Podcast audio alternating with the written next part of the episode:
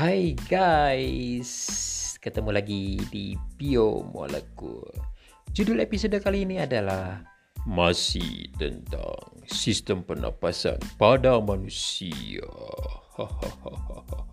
uh, fokusnya episode ini tentang penyakit, penyakit-penyakit yang berkaitan dengan sistem pernapasan pada manusia. Manusia aja deh. Gak usah bahas yang lain. Nah eh, pertama penyakit yang umum nih. Flu. Influenza. Flu itu influenza itu disebabkan oleh virus dan biasanya flu itu disertai dengan demam. 39 derajat Celcius 40 demam. Biasanya ada demamnya uh, ada atau ada juga pilek sebagian ada bersin bersin haji haji bless you bless you. Uh, batuk kemudian sakit kepala mungkin sakit otot uh, rongga hidung gatal dan karena uh, beringus lalu uh, hidung tersumbat gitu ya sehingga susah bernapas. Itu flu ya semuanya sudah tahu ya. Nah jadi biasanya uh, kalau saya sendiri flu ya saya akan mencoba mengkonsumsi air putih air minum hangat uh, lebih banyak gitu ya.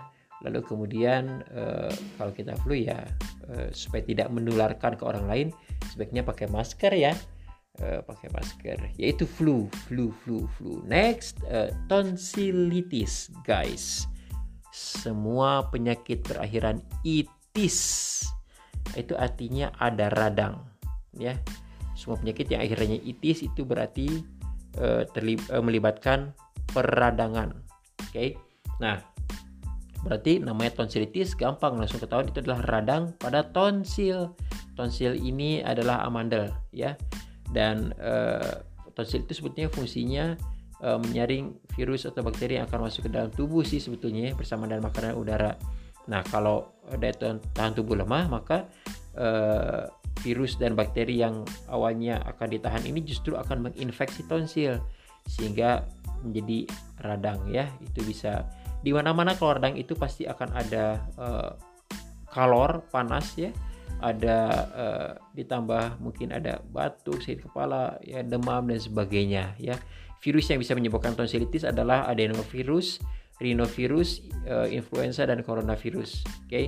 Golongan bakteri yang menyebabkan tonsilitis pada umumnya merupakan bakteri Streptococcus. Next, pharyngitis. Pharyngitis. Eh, dari penjelasan terdahulu udah jelas ya, pharyngitis berarti itis pada faring ya, radang pada faring.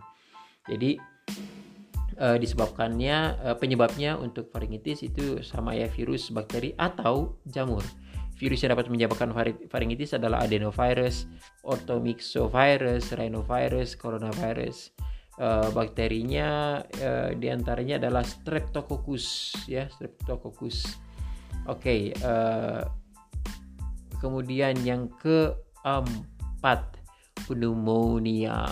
Pneumonia merupakan infeksi pada bronchiolus dan alveolus ya penyebab terjadinya pneumonia antara lain adalah infeksi dari virus, bakteri, jamur dan parasit lainnya. Tadi saya mengucapkan kata infeksi ya. Infeksi artinya masuknya organisme patogen ke dalam tubuh, ya. Jadi orang yang infeksi itu belum tentu sakit. Seorang dikatakan sakit kalau uh, setelah infeksi muncullah simptom atau gejala itu baru disebut sakit. Oke. Okay? Nah, pada penderita pneumonia itu uh, di dalam paru-parunya uh, terbentuk cairan yang kental ya. Cairan itu mengganggu pertukaran gas pada paru-paru tentu saja ya. Uh, harusnya alveolus berisi oksigen ini malah berisi cairan ya. Oksigen nggak bisa masuk.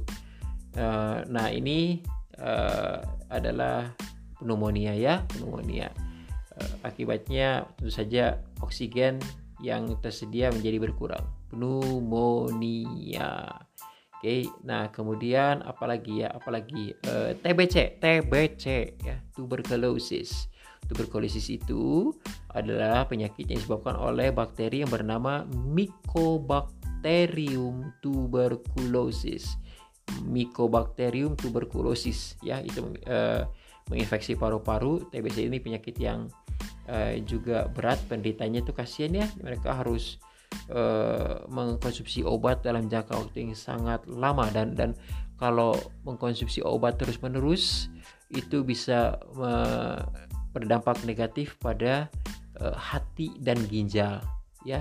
Uh, jadi uh, sebagai manusia yang diberkati dengan kesehatan oleh Tuhan maka jangan dikit-dikit minum obat, dikit-dikit minum obat karena itu bisa memperberat kerja hati dan ginjal ya. Eh, gejala TBC itu uh, mudah lelah, berat badan turun drastis, uh, lesu, nafsu makan hilang, demam, berkeringat di malam hari, sulit bernapas, nyeri pada dada sampai ke batuk berdarah ya. Oke. Okay. Asma. Asma asma ini saya ingin uh, dempetin lah saya ingin barengin dengan bronkitis deh. Bronkitis ya kan? Berarti itis pada bronkus gitu ya. Uh, semoga hafal dan mengerti ya ingat dan mengerti. Oke asma dan bronkitis itu sama ya guys. Asma dan bronkitis itu kurang lebih sama dalam hal apa yang terjadi. Ya jadi kan kita punya saluran pernapasan tuh.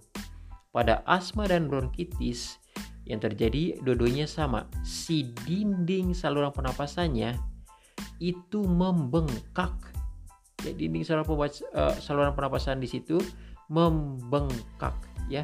Bayangkan jika sebuah pipa uh, dindingnya tebal berarti kan saluran dalamnya makin kecil ya.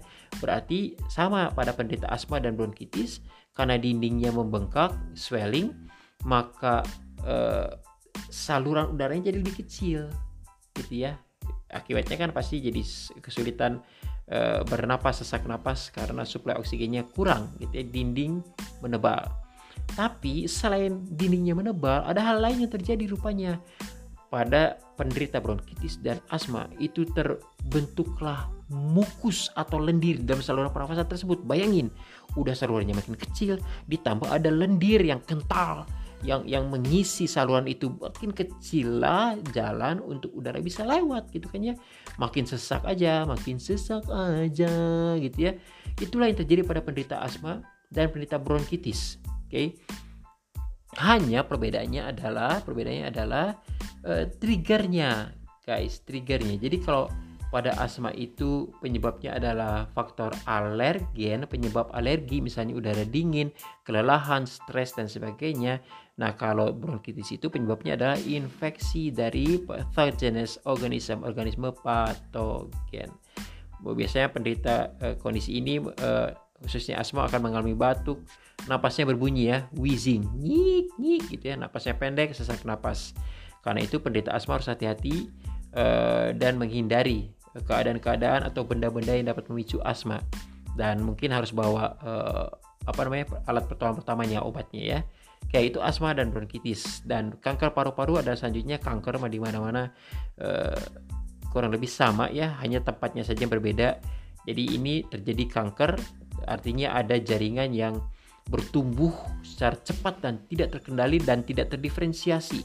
Akibatnya uh, jaringan paru-paru terganggu, terdesak sehingga sel-sel paru-paru kemudian uh, akan binasa uh, diambil alih oleh sel-sel kanker gitu ya itu satu hal yang uh, mengerikan dan katanya menurut sumber yang kita gunakan 85% kasus kanker paru-paru disebabkan oleh merokok.